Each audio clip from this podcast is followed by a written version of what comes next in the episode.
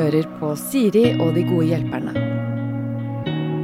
Da har jeg fått helgens eh, gode hjelpere på eh, plass, og det er jo Else Kåss Furuseth og Markus Neby. Dere har hatt, eh, hei, hei, dere har hatt første sesong som kollegaer sammen. Eh, oppsummere, vær så god.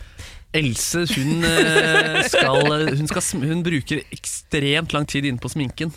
Det er altså Å, uhorvelig lenge. Altså, hun får, altså, eh, på et tidspunkt så hadde vi to sminkører. Jeg skulle få den andre, men det endte med at jeg måtte forskyve tidspunkt, fordi Else skulle ha en og en halv time med to sminkører som står og doller med håret hennes. Og, da, og dere koser dere og ler, og Else forteller historier, da. Men da er Else bauta, da. Og da tar jeg, jeg får de fem minuttene med sminke etterpå, det holder. Jeg skal bare ha litt brun Ja, krem. ja, så. ja. Har du ligget i lading, eller? Klar for å roaste Ja, her? Har ikke sett hverandre på en stund Nei, nå. det. Nei, det er, er jo et helvete det å bygge, det, å bygge opp det utseendet på TV. Og Ja. du vet jo det, det de kravene som er til kvinner. Ja. Altså ikke begynne sånn. Men, men, men det er rett og slett genene som må hjelpes litt. Grann. Ja. Hvis ikke jeg får litt hjelp med håret der, så blir det liksom Gollum-aktige greier, og da switcher folk over på TV2 på domboksen. Hvis ikke du får nok eh, volum i håret. Ja. Så da, det tar en og en halv time det å bygge volum. Men er det ikke deilig for deg også? Det er vel antageligvis den en og en halv timen i løpet av en uke hvor du sitter i ro og blir dulla med. Så jeg Det er- tenker at du skal unne deg Jeg koser meg så mye. det Men, og, det, og det, men TV2, ikke for å komme kritikk her av NRK, men TV2 så blir det jo brunere, da. Ja. Det blir jo brunere. Ja, det det blir brunere, ja. litt teitere, liksom. Det, det der, men det er ikke Ja, du men, fikk jo veldig tett forhold til sminkøren i TV 2 også. Jeg ble sminka av TV 2 en gang også, og da sa hun jeg er litt sånn stemammaen til Else. Ja. Så ditt, Eh. for, ditt forhold til sminkører, det er jo det er, det er de du blir mest kjent med. Jeg elsker jo også Hanne Karlsen eh, på NRK. Dette kan vi snakke om lenge. Jeg, Ja, ja, ja. Nå merker jeg jeg usikker, men jeg liker NRK like godt. Jeg liker, ja, ja, ja. Ja, men man har vel inntrykk av at der NRK eh, vil at alle skal se naturlig ut, så er TV 2 litt sånn fuck it, la oss late som om alle skal på julebord. Ja, Det er jo- Ja, men det- Else har tatt med seg Jeg- TV 2 jeg har inn i tatt- Vi har fått, det blir tykkere og tykkere, tykkere, tykkere tunge, tunge Ja. øyevipper nå. Men jeg synes det er veldig altså Søndags-Else er veldig søt også, men du blir jo veldig flott med det volumet i håret. Og det er, det er ikke sånn at du, du vasker det når du kommer hjem, den, den lar du ligge i Så hun har flott hår i to dager på redaksjonsmøtet. To-tre dager så varer det TV-håret. Ja. Ja. Så deilig, da. Ja.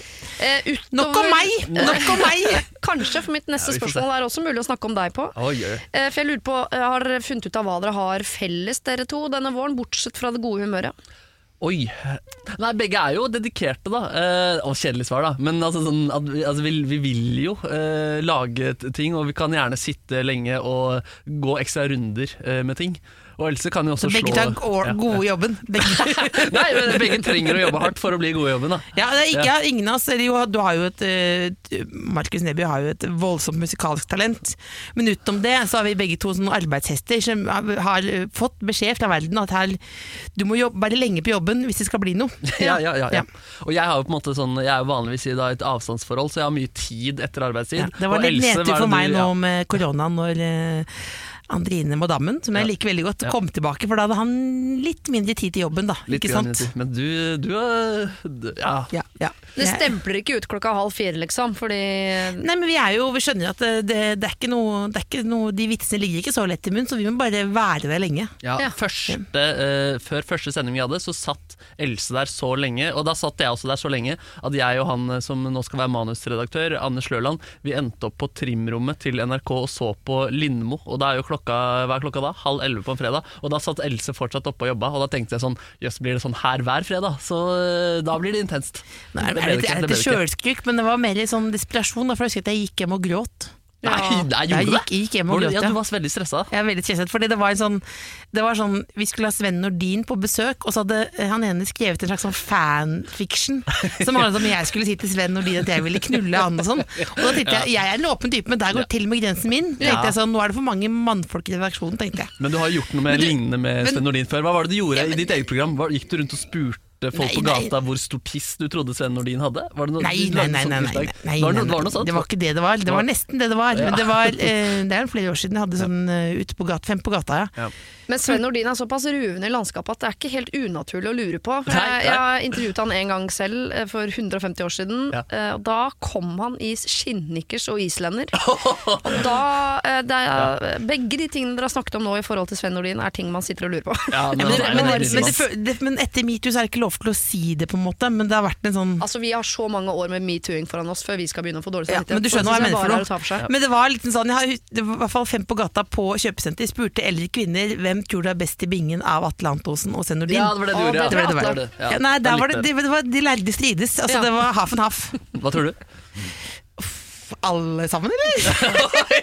nei, gud a meg! Latteren er sulten. Det lukter sandwich av hele det der. Men ok, vi skal eh, la Må vi gå hjem nå? eh, Nei, vi skal la pervinga ligge. Ja, ja. Eller skal vi det? Jeg har nemlig eh, kalt det første problemet vi skal til for naboen perver, så vi skal ikke så langt unna temaet likevel. Så jeg synes det er deilig at dere dro oss dit.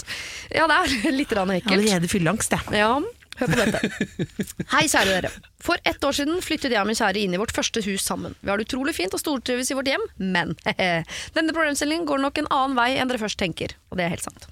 Nå under covid-19 trener jeg mye utendørs på verandaen vår. Jeg er toppidrettsutøver, så jeg tilbringer opptil tre-fire timer om dagen ute på verandaen. Yes. Det er, eh, jeg tenker, er dette snikskryt? Men ja.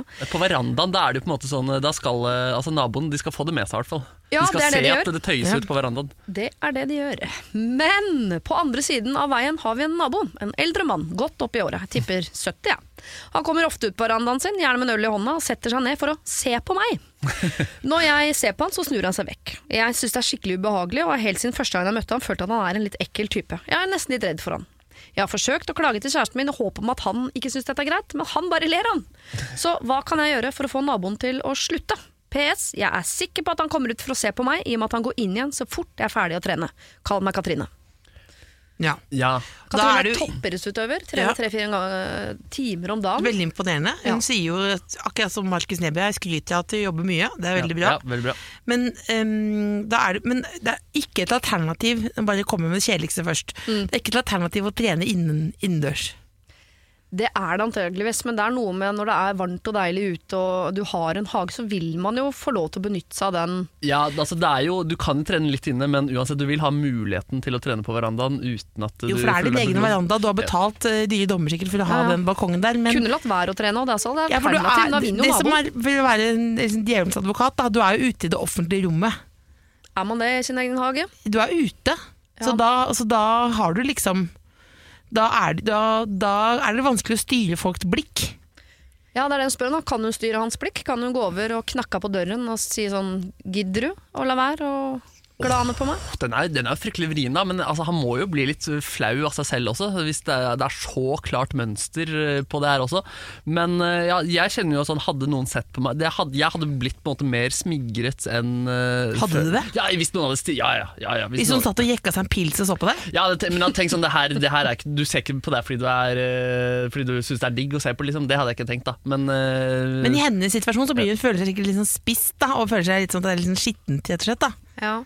Men, Men skal man ikke som toppidrettsutøver på et eller annet tidspunkt øh, øh, tolerere at ikke bare én med øl i hånda, men titusenvis av folk med øl i hånda står Jo, og ser på at du holder på med det du driver med? Det er veldig godt poeng, og det er, man kan jo se på det som en slags eh, psykisk hinder i game eh, i, i en match. Da. Sånn, eh, det er alltid noe som vil forstyrre deg psykisk. Nå får du egentlig øvd da, med en gammel, ekkel fyr som uh, syns det er deilig å se deg Men det kan jo være at hun tenker at det er litt mer sånn prinsipielt òg, da. Skal det være sånn at jeg som kvinne ikke får lov til å gjøre det uten at en eller annen gammel gris i gåstein jekker seg en pils eh, og ser på, liksom. At, da skjønner jeg jo tanke, tanken hennes, da. Ja. Ja. Men kunne hun liksom eh, Dette blir koko, da, men liksom hengt opp en sånn stor poster?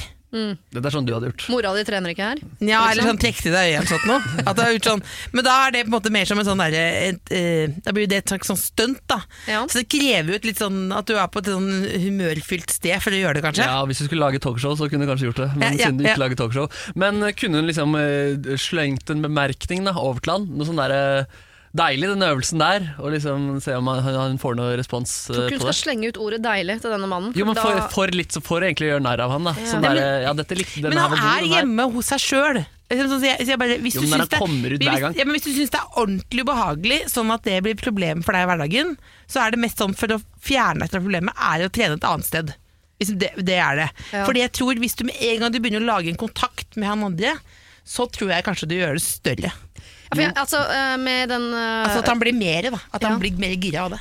Med min snekkerbakgrunn, som jeg ikke pleier å si, så ja. ville jeg s- slengt opp en møbelsnekker. levegg eller noe. Det ville jeg gjort. Eh, ja. Men det er jo mye jobb for Jeg bare tenker sånn, det, det han gjør jeg tror på en måte ikke, Han er ikke helt klar over hvor flaut det er, det han driver med. Så Det han trenger, er jo den ene lille kommentaren eller Jeg den ser bøtta det. med vann i ansiktet. Ja. Som er nettopp, Og jeg skjønner ikke hvorfor det er kleint for henne å si fra.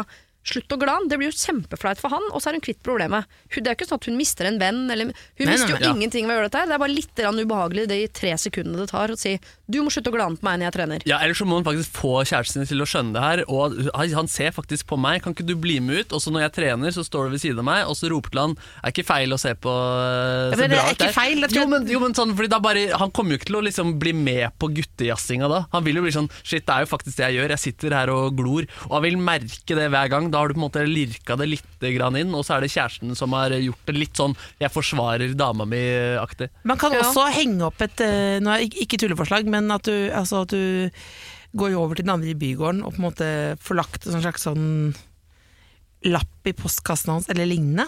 Ja. Med trusselbrev? Nei, nei da. Ja, nei, men at uh, et, eh, altså, Trekk til deg, ja. Nei, vet du hva.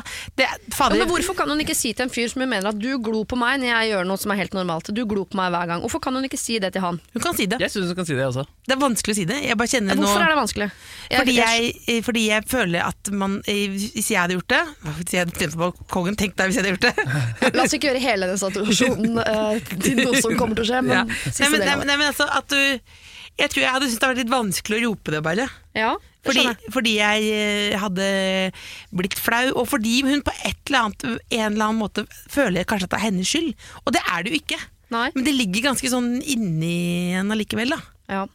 Og kan det være at han er på verandaen hele tiden, og at uh, Nei, hun kommer ut. Han har samkjørt Ja. pilsen med henne. henne. ja, det, Men- De har synkronisert. Kan hun trene på kvelden? Nei, det, blir- det, det, det, hun Jeg vet ikke hvem det sa. Det beste er å rope en Trekk deg øya. Ja, helt tydelig. Ja.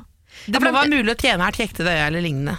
ja, for det er mye du kan gjøre, men du gjør jo ikke noe feil. Så det er ikke sånn at egentlig du skal gjøre om på det du driver med. Du skal ikke eh, bygge en levegg eller begynne å trene inne eller trene på natta. Eller sånn. Det er jo han som er irriterende, og da må han få beskjed om det. Og om du er eh, konfliktsky og ikke tør å, rope det, eller ikke klarer å overtale typen til å rope det, så er eh, trusselbrev absolutt et alternativ. Plakat, den slags. Bare få gitt den beskjeden. Slutt å glo. Så jeg er helt sikker på at han kryper inn i skallet sitt igjen.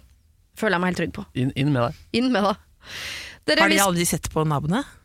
eh, naboen som trener. Ja.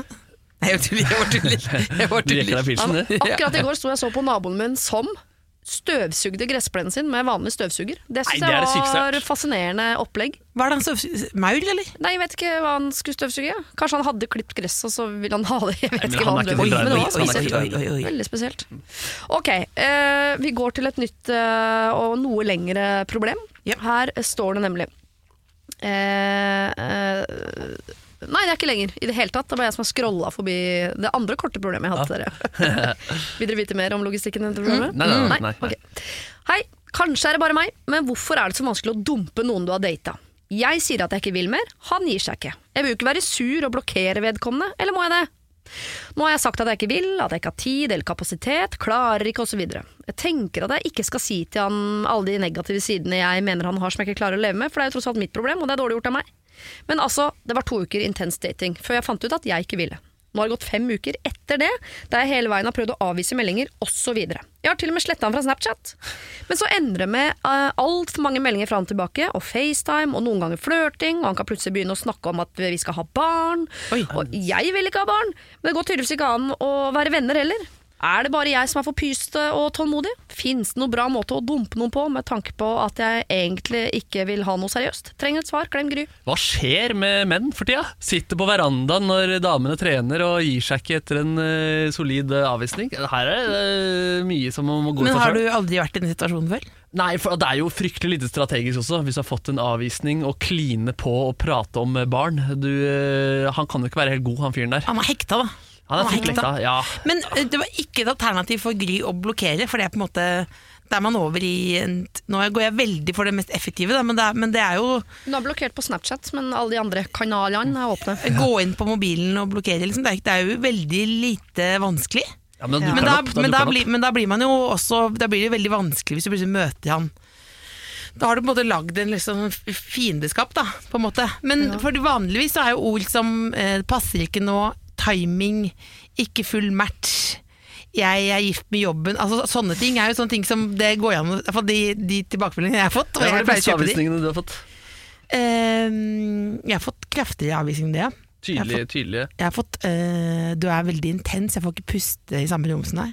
Oi, Ja, det, det er jo Det var jo Det var ikke passiv. Det var, det var tydelig. du dro rett og kjøpte snorkel og Da fortsatte å sendte, jeg, da sendte jeg Men hva med barn? Nei, men, men det var tydelig da. Da tenkte jeg, da tenkte jeg at det, jeg, jeg hadde ikke behøvd så tydelig. Jeg kunne bare heller fått den, eh, den timingen eller et eller annet sånt, helt så generelt som du skjønner det er noe annet, men som er bare et sånt Jo, men det er fint at du sier akkurat det, fordi de generelle sånn har ikke kapasitet, klarer ikke, har ikke tid osv. Det fungerer jo på de aller fleste. De fleste da Mm. får ta på seg stoltheten, trekker seg tilbake og gir ikke lyd fra seg. Men så har du de som ikke gjør det, og egentlig ære være dem, fordi hvis du virkelig liker noen, så mener jeg at ikke man nødvendigvis skal gi seg ved første sånn hakk ikke tid. Hvis du har møtt den du virkelig vil ha, så må du få lov til å prøve litt lenger. Du må prøve litt lenger, men, Litt lenger. Men, men det er lurt å gi det en liten pause ved den første Altså ikke gå på dagen etterpå, liksom. Jo, men kan hun være tydeligere? For det er klart at Ja. når hun sier 'jeg har ikke tid' eller 'kapasitet', 'klarer ikke' osv. Hun har ikke nevnt på ett tidspunkt sånn eh, 'jeg eh, liker ikke deg', 'jeg har ikke falt for deg', Nei. eh, jeg har-. Hun har ikke nevnt noen ting som går på følelser eller ting som han ikke kan gjøre om til sånn. Å ja, hun sier hun ikke har tid, men det er jo fordi hun studerer. kan han si. Men hun er jo veldig hyggelig når vi først møtes. Jeg tror hun egentlig liker meg, bare akkurat nå er litt passelig dårlig Hvis, altså Hvis han vil inni hodet sitt at hun skal like han, så gir hun han muligheten til å tro det. Ja, hun er for jeg. passiv der, ja. Så Ja. være mer, eh, mer direkte. Men kanskje faktisk da be om en, eh, be om en uh, kaffe, da. Og gjøre det. Ta liksom breakup-samtalen.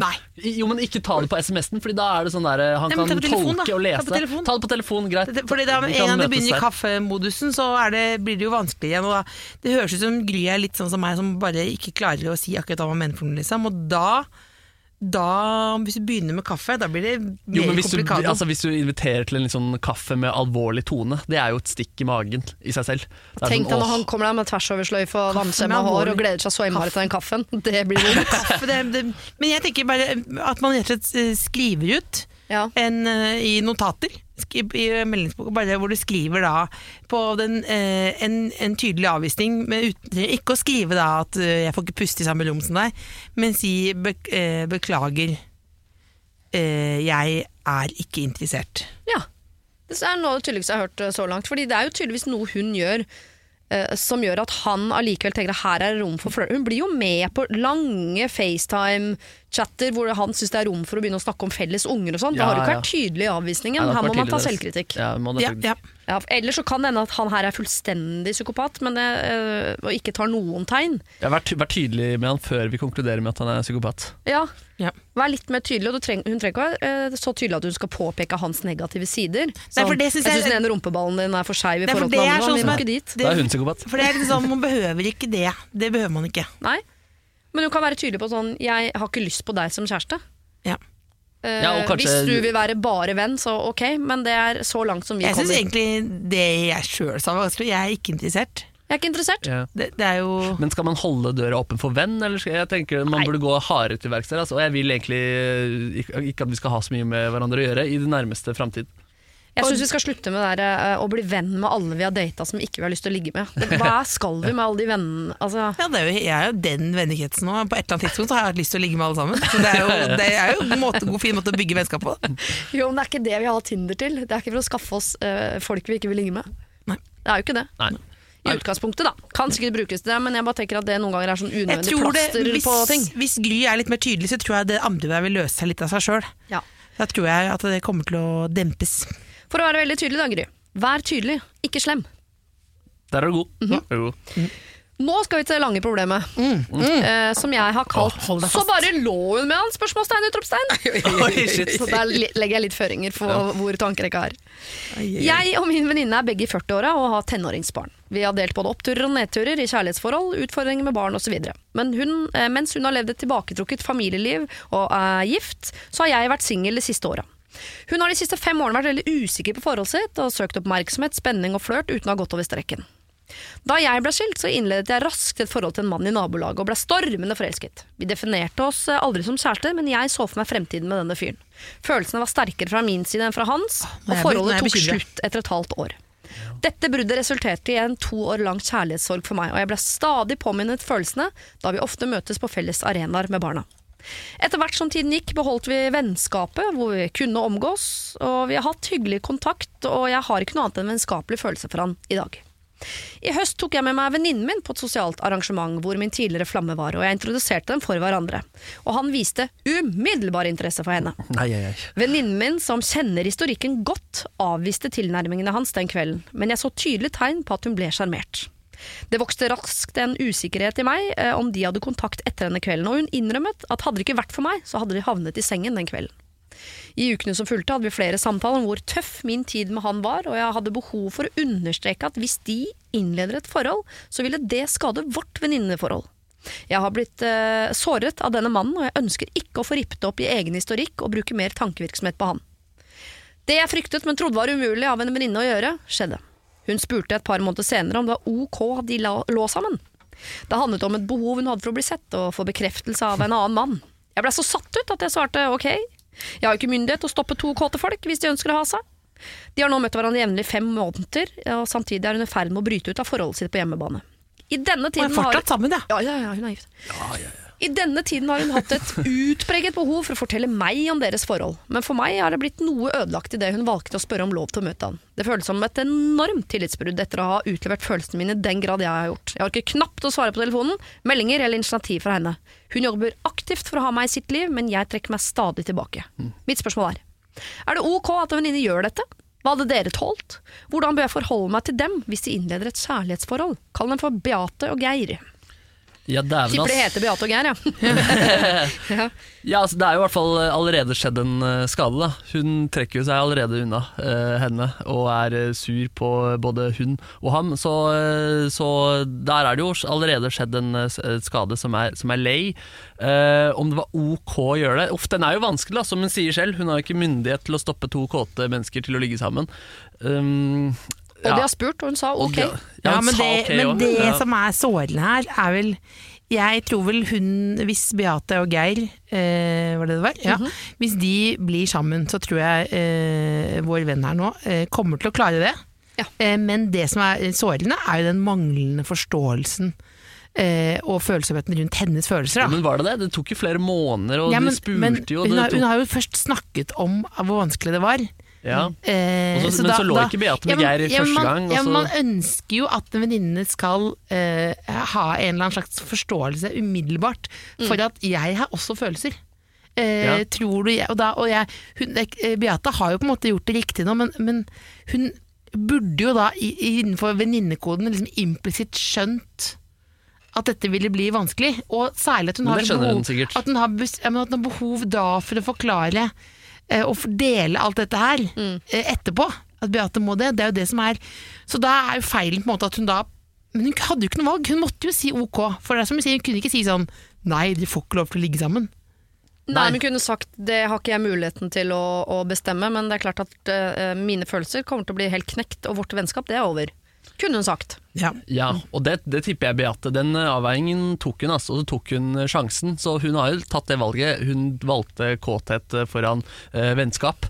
Så eh, er jo det kanskje en pris Beate da- må betale på sikt, da, som mister innsender som eh, venn. Men skal innsender her rett og slett nå eh, si nå etterpå, bare si til dem at jeg har blitt såra? Mm. Altså Ja, det, Men det tror jeg Beate skjønner også. Nei, det virker ikke helt som det, da. Det virker ikke helt hun trekker seg unna. Hun er litt sånn eh, hard to get i vennskapet der. Og hun, altså, Beate merker at det ikke er helt god stemning der. Ja, men hun fortsetter jo å gønne på, liksom. Det er aldri blitt sagt etterpå da. Hun har jo sagt ok, og fortsetter å høre på det her. Det er fem måneder. Ja. Så si sånn bare «Øh, Jeg skulle sagt det tidligere, og, øh, men jeg har blitt såra over dette. ja. Da må man jo stille seg veldig sårbar på nytt igjen, da. Så er det jo slitsomt. Fader, ass. Jeg tror bare, jeg er jo Jeg ville ringt eh, til mannen til Beate og sagt alt sammen. Si fra. Ja, kjør en hevn der. Den muligheten har man alltids. Eh, jeg Ligg med tenker, han, da. eh, her er man jo?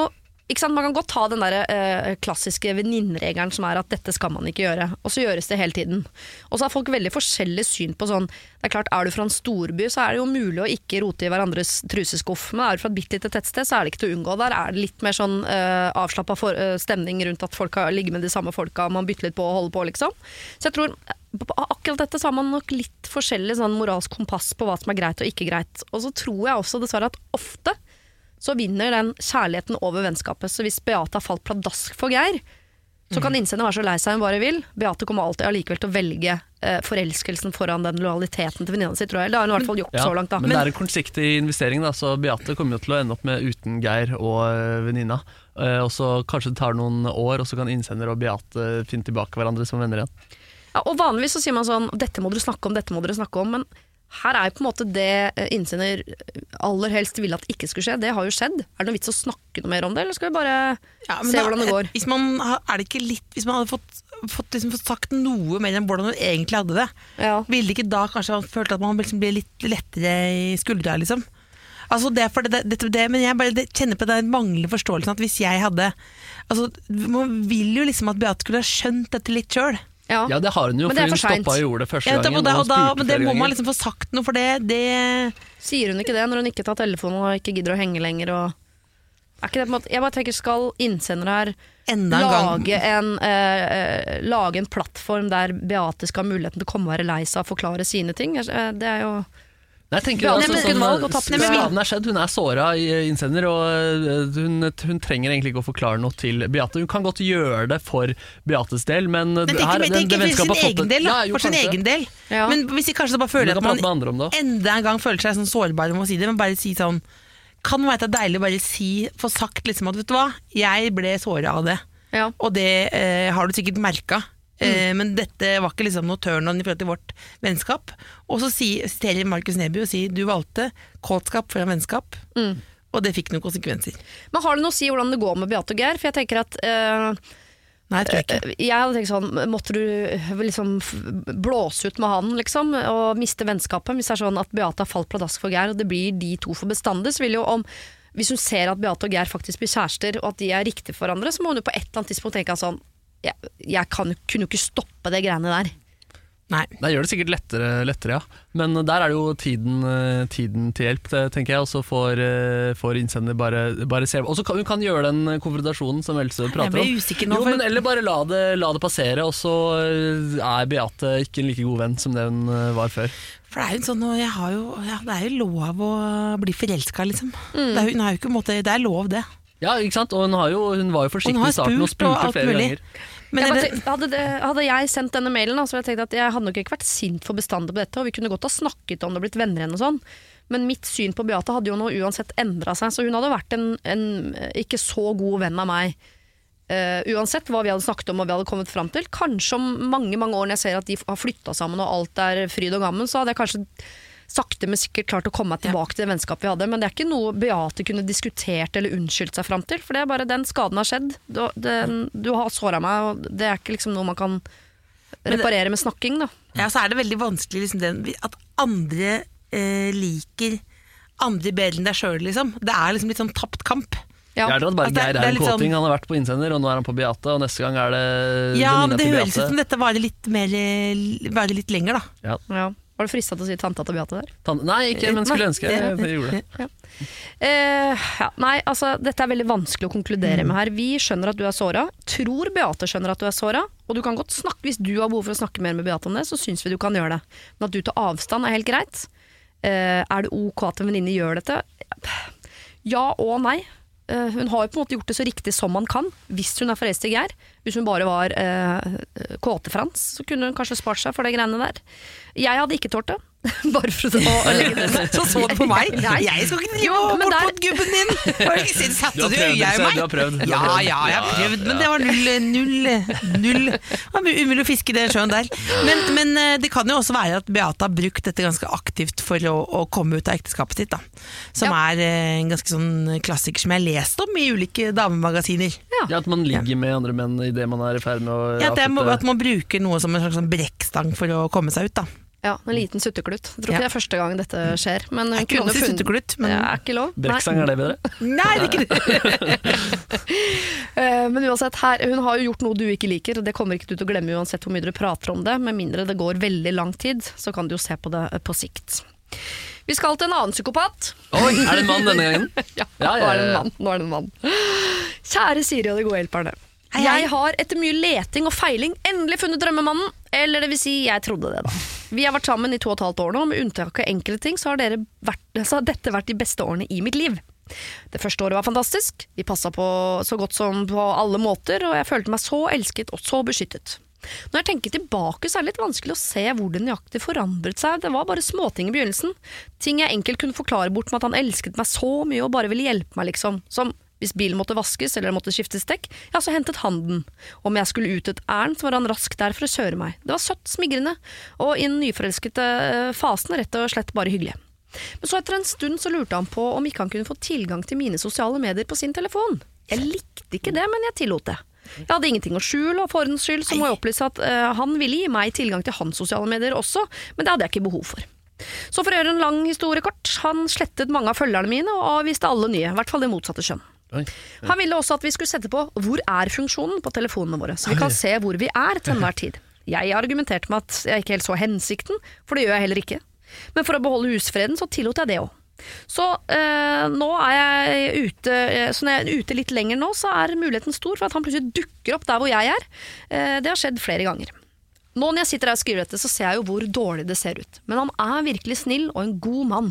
Han har aldri vært slem på noe som helst måte. Han er bare veldig usikker og sjalu, og jeg vet ikke helt hvordan jeg skal greie å forandre på det. For det er jo ikke eh, som om jeg ikke har prøvd. Vi er begge i slutten av 30-åra, og vi har begge forhold og ekteskap bak oss. Dette burde jo ikke være et problem der vi er nå. Vi bor ikke sammen per i dag. Kanskje har vi rosa litt hvis vi faktisk flytter sammen? Jeg vet ikke. Jeg vet heller ikke om jeg tør å ta den sjansen. Hjelp! Kall oss Mali og Martin. Shit. Mali. Mali har sendt inn dette problemet ikke på Instagram, men på mail. På mail, ja. Og den har han ikke tilgang til. Nei, la oss ikke Lagde håpe en det. kryptert konto, hun sendte via Monero. Nei da. Eh, men Satire. Men, han eh, het igjen? Det var ikke men- Mali og Martin. Men Mali. første da. Ikke flytt sammen med Martin før dette eventuelt er løst opp i. Oi, mener du det? Nei, du må aldri tenke at dette her skal løses ved å gjøre mer.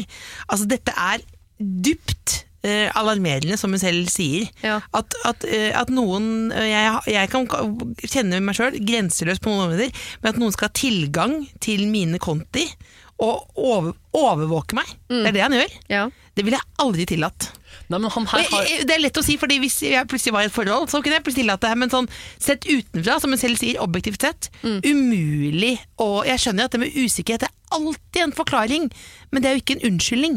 Du kan nesten alltid si at det er usikkerhet. Ja, men det er ikke bra nok forklaring. Men kan det ikke Ja. være at altså, det Anette trenger er at det er usikker overfor henne, og eh, hun, han mangler tillit til henne, og er åpenbart en sjalu, eh, grunnleggende sjalu type, og at det at de flytter sammen kanskje kan gi han den tryggheten han, han savner Men da må vi sette noen grenser først, da. Ja, det, det, de, de, du skal- at de har jo prata om det her allerede, åpenbart, og han har vel da sannsynligvis erkjent eh, sitt sjalusiproblem, som jo er plagsomt for begge to, da, eh, sannsynligvis. Jeg tror bare, men jeg ville nok prøvd å, å få tilbake rettigheten over mine egne kontoer først. Ja, ja, og det, Før det noe er som plasser helst. som han, hun kanskje burde rive av eh, fort eh, som bare rakkeren. da Ja. eh, Og så fortsette bare å prate om det sjalusiproblemet. Jeg, jeg, jeg hørte på podkasten til Katrin Sagen og hun er? Sissel Gran. Ja, Mm. Og der sa de noe sånn fint liksom, sjalu det er jo også en veldig sånn fin sånn kjærlighetserklæring. Det er jo en liksom- motor. det er jo en motor, og det er, sånn, det er jo fordi jeg er, elsker deg så mye og jeg er så utrolig redd for å miste deg, så det gjør at jeg blir fullstendig gæren og Ja, ja. opp på steder du er. Og det er jo ekstremt, da. Og de må jo virkelig ikke bare liksom prøve å pirke bort deg, de må jo snakke ordentlig sammen om det. Og det er jo veldig sånn konkret ting. Det må slutte å overvåke sosiale medier. Den må, det plasset må bare rives av, og så må han forholde seg til, uh, til det. Ja, Det jeg tror- sies jo at eh, sjalusi er på en måte den følelsen som er uh, Sterkest. sterkest, som er vanskelig, den er vanskeligst å gjøre noe med. Jeg tror, Ja. uh, selv om vi skal passe oss litt for å si at uh, de som er sjalu, elsker kjæresten sin høyere, på en måte. Det tror jeg Nei, ikke. men er Men, en slags kjærlighetserklæring i det. Eller Ja. sånn, jeg vil ikke miste deg, så derfor blir jeg gæren. men jeg tror, ikke man kan, jeg tror absolutt ikke man kan kjefte bort sjalusi. Jeg tror det er noe som må jobbes med på en helt annen Ja. måte. Så jeg tror ikke hun kan si liksom, ta deg sammen, slutt å være sjalu, og så er det problemet løst. Det her må man jo, uh, det eneste måten å bli kvitt sjalusi på, er vel å trygge partneren på at det ikke er noen grunn til å være sjalu. Yep. Og selv om hun ikke har gitt han noen grunn til å være sjalu i utgangspunktet, så er det jo et eller annet de må gjøre for at han skal bli så trygg at han ikke har behov for å se på mobilen hennes, eller ikke har behov for å se hvor hun er til enhver tid. Ja, Der er- vil jo det å flytte sammen være en konkret ting eh, som de gjør sammen, eh, og som på en måte forener dem enda større grad da, enn det Ja, de men er. akkurat nå så er ikke det at det blir mer forent som er problemet. Bare, vil du flytte sammen med overvåkeren din? Det er ikke jeg nå. Ja, fordi du tenker at han, er, at han skal drepe henne? på måte? Nei, ikke, nei, nei, nei, nei. Jeg, jeg skjønner helt at, det, at han er bare, dette kommer fra et sted, og jeg er helt enig at sjalusi er en sterk motor, som jeg på en måte har, men jeg kan kjenne igjen for eksempel i jobbsammenheng. Da. Ja. Eh, at, altså, det er en motor for å gjøre ting. Akkurat som dårlig samvittighet. Altså, motivasjon kan komme fra liksom, et mørkt sted, Ja, ja. Det, det anerkjenner jeg. Men jeg tror liksom at man må, du må for din egen del sette grenser, for hvis ikke så vil det skje at du ikke orker mer. Mm. Jeg sier ikke at han er gæren eller psykopat, men bare du, det kommer til, å bli, kommer til å bli så stor del av det at du plutselig så er han overalt. Så Ja, for nå, må- nå du bor de jo ikke sammen, men han overvåker. Hvis de plutselig bor sammen og han skal fortsette å overvåke, da er det huset tett opp mot fengsel. Ja, det er ubehagelige Ja. Det er veldig ubehagelige greier, så det jeg ville også vært forsiktig med å flytte sammen før vi hadde funnet ut av de greiene der. Men jeg mener jo at dette er noe man kan finne ut av. Absolutt. Som man kan jobbe med og få bort. Men jeg tror ikke liksom Dere snakker om å rive av plasteret. Jeg tror ikke løsningen er å komme hjem en dag og si sånn Nå har du ikke tilgang til mobilen min lenger! Da ville jeg som sjalu tenkt sånn Nei vel, for nå har du begynt å ligge med hvem, sa du? ja, ja, ja. Så det, Jeg det tror jeg ikke er veien å gå. Jeg tror liksom, Nå skal jeg komme med noen bokstaver som jeg klarer ikke å telle hvor mange bokstaver det er, men P-A-R-T-E-R-A-P-I. Pat- Parterapi? parterapi. Ja, Ja. ja. ja. Ni, cirka. Ja, ja. Jeg ville jeg, jeg tenker at noen, at noen At du sammen med en tredjepart Mm. eh, fikk liksom satt system for jeg, Men kanskje jeg overdriver det, da, men liksom at du Tenk hvis du, Markus, satt inne og så på inne på messengeren til Andrine som du er sammen med, liksom. Ja, Er ikke det veldig rart? Jo, men, jo, selvfølgelig. Jo, det er ikke noe som er fint, nei. Og det er jo åpenbart et problem. Eh, Ja. Det er derfor hun har sendt inn et Jeg det, er- problem. men det er såpass, jeg synes- det er såpass sånn stort at du skal kontrollere hva alle tankegodset til et annet menneske synes jeg er veldig sånn Mm. Veldig invaderende, da. Men kanskje vi skal inngå bare noen sånne uh, avtaler nå i starten som er sånn Ok, de gangene hvor du ser at jeg er et sted lenge og du får behov for å dukke opp der for å sjekke hva jeg driver med, kan du ikke først ringe meg, så kan vi snakke sammen? Så kan jeg si sånn Jeg er sammen med uh, Laura på uh, kafé. Og bare se om hun kan klare å roe han ned på det behovet han har for å kontrollere hva hun gjør til enhver tid. Så ikke Ja. han må gjøre liksom de mest crazy tingene som er sånn bare dukke opp Og steder, for samtidig så også være tydelig på sånn uh, i denne nedtrappingsfasen. Si sånn Dette skal jeg i dag. Ja, det er hyggelig. Altså, dette skal, det er jo en hygg- involvering hverandre. Det er mine planer. Ja. Men det er da, da må man jobbe med det sammen og være enig om at dette skal fases ut etter hvert. For dette er ikke det sånn livet skal bli, at jeg har eh, meldeplikt eh, på alt jeg gjør til enhver tid til deg. For da er vi bare på en annen form for overvåkning, da. Ja, ja, ja. ja, men i starten, ja, vær veldig tydelig med hva du skal, og gi masse deilig bekreftelse. Ja. Ja. Så, så, så, så trør man varsomt framover der. Eh, Parterapi, det, jeg tror ikke det trengs parterapi ennå her, altså. Jeg syns ikke det er så Jeg tror, tror det hadde vært øh, eh, Jeg tror det hadde vært fint bare for å, å at noen andre utenfra setter ord på det. Men, det er ikke sikkert det, men eh, det høres riktig ut sånn å begynne å snakke om det, sånn som Ja. Silje foreslår. Og sette som en sukkerbit. så tror jeg ikke nødvendigvis det er som Jeg mener ikke komme som trussel parterapi, men sånn at en annet menneske bare setter litt i system. Ja. For da anerkjenner dette er på en måte Selv om vi er enige om at sjalusi er en sterk motor som kan være bra, anerkjenner at dette er et problem, da. Ja. Og det tror jeg, for Hvis ikke så tror jeg hun bare ikke kommer til å orke mer. Da vil det føles som liksom å ja, være i et fengsel. Men det virker som de har prøvd litt allerede. da. Ja, og så tror jeg han kanskje, ja. kanskje kan bruke det som sukkerbit. Sånn, øh, jeg har veldig lyst til å flytte sammen med deg en dag, men da må noe av dette her må vi klare å ha, ha fått bort innen Ja. den tid. Så, Først dette må du vi- slutte å overvåke meg. Ja. så på sikt nå så ser jeg for meg at vi skal klare å slutte med den øh, 'hvor er du'-delen på telefonen. Den skal vi prøve å skru av. Innen oktober, f.eks. Det skal vi to sammen jobbe for å få til nå. aktig. Jeg ville bare vært med på laget og anerkjent den sjalusien. Og så og tatt det litt sånn babysteps og si sånn Sommeren 2021, da flytter vi sammen. Hvis du har blitt Ja. antipsykopat. Og I september så, så, er det bare, så kan du overvåke meg kun to timer om dagen. Ja, ja, det høres helt teit ut, men Ja. det er ikke sikkert Ja, ja. man skal la være. Hvorfor er jeg drama queen nå? Litt, Er du drama queen? Jeg, jeg, synes, jeg reagerte litt sterkere enn dere på dette her. Nei, jeg syns det var kjempebra. Nei, men- Sikkert Men parterapi, fordi jeg- eller noe. Jeg. Nei, jeg bare synes det at noen, noen skal liksom sitte, ha å- tilgang til alt det, liksom, syns jeg bare er sånn Injurierende. Ja, Staten Nei, og bare- Facebook har jo det allerede, så ja, så, sånn. Der sa, til meg nå Jeg ser du bruker godt med penger om dagen. Så bare hæ? Han har tilgang til, han har tilgang til kontoen. Det er men det akkurat som pappaen til Britney Spears har. Ja, ja. Det ser ut som det gikk. Ja. Ja. Oh. Oh. Shit, men, men vi, hvor, når fikk han det? Nei, har vi satt det hele tida? Ja, Gjennom lokalbanken, da. ja men det er, det er bra, det. Har du problemer selv, send dem inn til siri at radionorge.no. Vi eh, snakket eh, tidligere om eh, hvordan dere er som kollegaer, så det trenger vi ikke å snakke om nå. Men eh, hvordan er dere som naboer? Det er jeg litt eh, nysgjerrig på. Mm. Mm.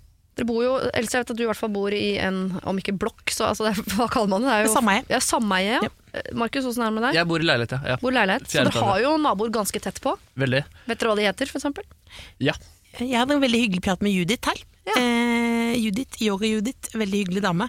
Hun nevnte eh, i forbifarten at det var jo ganske trøkk hjemme hos meg på 17. mai. Ja, under 20 personer, men det var bråkete. Ja. Eh, det var, det var kritikk, eller? Nei, men hun nevnte det, men, da, da, men på en veldig hyggelig måte. og Jeg var helt enig med henne i det. Og det var veldig sånn, ja. For du hadde ikke sagt fra på forhånd at du skulle ha folk der? Det, jeg, det, det, var ikke, det var ikke klart for meg at det skulle bli sånn som det der. Det var, eh, det var, det var en, Jeg har aldri vært så nervøs i hele mitt liv, fordi jeg skulle være med live for skryte, men på Alle mot én. Ja. Eh, og da var da det Erna og. Ja, og da var det fortsatt folk hjemme hos meg, så sa jeg hvis dere bare, det var seks personer, sitter i andre enden der, eh, og jeg sitter med lukket dør her, og dere har lav musikk, så kommer det til å gå bra. Eh, at det er fest i Du hadde fest hjemme hos deg mens du var på mot. Ja, og da, og det, det, som, det som skjedde da, var at det bare ble mer og mer og mer bråk. Så det, jeg løp ut i en liten pause der, så Ja. plutselig var det masse mennesker jeg ikke visste hvem var. Oi. Ja.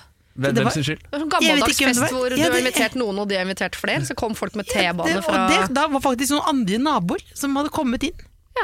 Fire damer. De er vel vant til at du har rimelig sånn åpent hus uh, nede hos deg. Så det, jeg ja, men det var, litt, det var urovekkende, altså. Jeg Ja. kalte de basic bitches fra Bislett, blant annet. For å få Ja, til å gå hjem. Så sa jeg så hyggelig at vi ble naboer, da. Nå skal jeg flytte og sånn. Jeg, var- jeg ble, jeg, ble bekymra. Men ble du streng?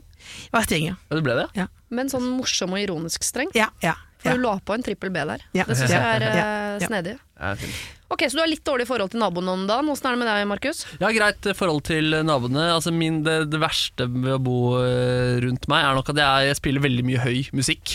Ja. Eh, og ganske ofte til mange døgnets tider. Det er på en måte da jeg føler ultimat frihet. Det er å kunne spille høy musikk som jeg liker eh, veldig godt. Det kan skje på ettermiddagen, men det kan også da skje seint på fredagskvelden. Har foreløpig ikke fått noen klager på det. Eh, under meg bor Livio, som er bassisten i Raga Rockers. Så jeg har sagt Ja. til han en gang du får si ifra hvis det blir litt mye funk fra etasjen over. Og han, da sa han at det kan ikke bli for mye funk. Så da er det Vi har veldig god tone der, og eh, på, det var dugnad her om dagen, og vi prata om Michael Jordan-dokumentaren og eh, luka litt gress og Nei, så jeg Det er ganske harmonisk eh, nabolag. Jeg liker og opplever at jeg blir likt av naboene i stor grad. Ja.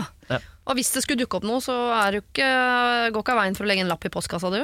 Nei, der, der er jeg faktisk ikke så god på å si fra, nei. Nei. Fordi det er veldig høy kultur for å si fra. Hvis man skal bore i ti minutter, så sier man fra i eh, chatten eller borettslaget Har du en chat? Nei, gruppa. gruppa Borettslaggruppa har vi. Og der skriver folk eh, 'nå skal jeg bore i ti minutter'. Der er ikke jeg, for jeg, jeg, det må være lov å bore i ti minutter. Men på Facebook, eller hvor ligger ja, denne Facebook, gruppa? ja. Facebook-gruppe. Ja, Ja. Ikke, ikke chat, men Facebook-gruppe. Så Eh, så, der, så der sier man ifra. Der, jeg, jeg sier ikke så mye fra. Det gjør jeg ikke. Der er jeg dårlig. Er det noe for deg, Elsa? Ha en Facebook-gruppe for sameie? Vi er veldig lite sameie, så det er ikke behov for det. Så vi bare tar det på mail. Men eh, jeg, min, min, jeg, mitt mål er i livet er å aldri klage Okay. på naboen. Da syns Ja, ja. jeg du er ganske god. For da blir det, da blir det For da starter du noe du ikke vet uh, hva er for Nei, noe. det, er, det er veldig godt poeng. ass Så jeg Aldri tenker- klage på naboen er overskriften dere setter på dette nå. Ja. Idet vi går inn i problem Ja. nummer én. Var det lureintro? Ja, ja, ja. Lureintro. Ja, ja, ja, ja, Beklager. Judith, for 17. mai, det ble mye bråk. Naboen min kjefter ofte høylytt på barna sine når de er ute. Hun blir ofte irritert, og jeg er lei av alt bråket fra henne. Ikke barna! Disse naboene er relativt nye, og de ødelegger litt av roa i vårt nabolag. Hvordan skal jeg si fra til henne? Hilsen Emma. Ikke skal jeg si fra.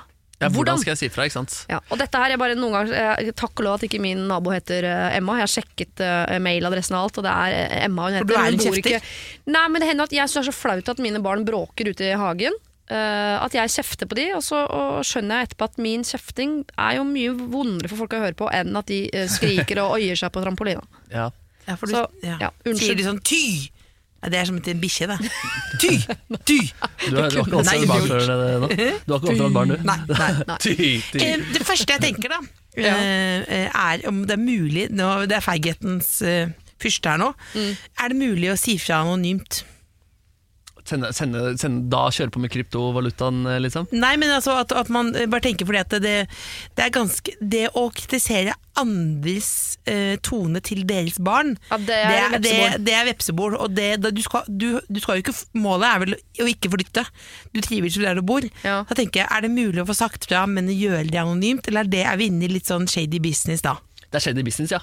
Ja, ja, ja. Er det det? Ja, ja, ja. Det, det, det er rart å gjøre det. Og tenk stakkars naboer, da. Hvem er det som sender anonyme meldinger? Og man skjønner jo, Naboen vil jo mistenke hele blokka. Er det du Ja. som har gjort det? Er det du? Ja, ubehagelig. Ja, for Og- da vil jo naboen tenke enten Det er jo mye greiere å tenke sånn Hun i 4B er et hespetre. Eh, enn sånn En eller annen i nærheten her er Espen. Jeg aner ikke hvem. Kanskje alle. Alle hater meg, jeg må flytte. Og så flytter man. Ja, forferdelig. Ja, så det er slemt, rett Ja, og det er litt sånn psykisk terror, ja. Ja, det er jo ja, det er Skal du gi beskjed, så må du stå for det, er det psykisk Sende terror? sånne hint og sånn på døra. Og... da, da tror jeg mitt alternativ er da det er, jo- det, er jo, ikke- det er jo ikke et alternativ, og det er jo å ikke si fra. Ja.